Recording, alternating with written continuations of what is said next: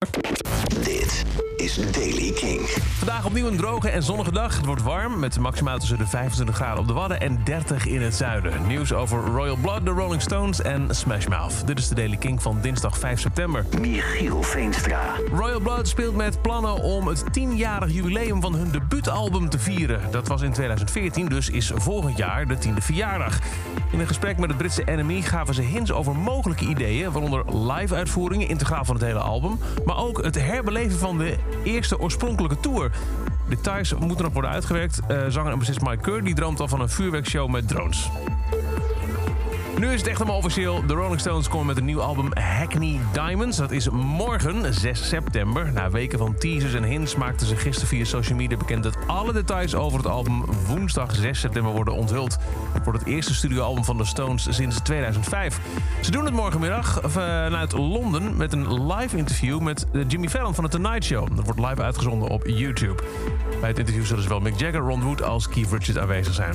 Eerder hinten de Rolling Stones op een nieuw album met een advertentie in een lokale Britse krant. De afgelopen weken werden ook regelmatig beroemde gebouwen met een eh, logo geprojecteerd, zoals in New York, Los Angeles, eh, Londen en Parijs, waar ineens het grote tonglogo van de Stones op te zien was.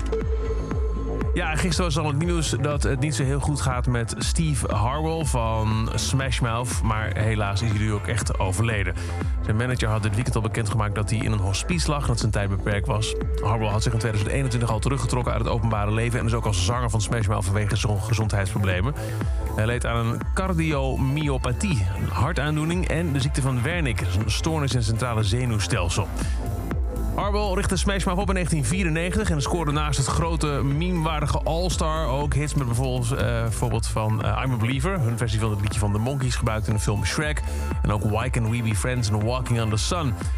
Het overlijden van Harwell is een groot verlies voor de muziekwereld. Zijn familie vraagt om privacy in deze moeilijke tijd. Steve Harwell is 56 jaar oud geworden. Dat is over deze editie van The Daily Kink. Elke dag een paar minuten bij met het laatste muzieknieuws en nieuwe releases. Niks missen? Abonneer je dan op de Daily Kink in je favoriete podcast app of nog simpeler in de Kink app. Elke dag het laatste muzieknieuws en de belangrijkste releases in de Daily Kink. Check hem op kink.nl of vraag om Daily Kink aan je smart speaker.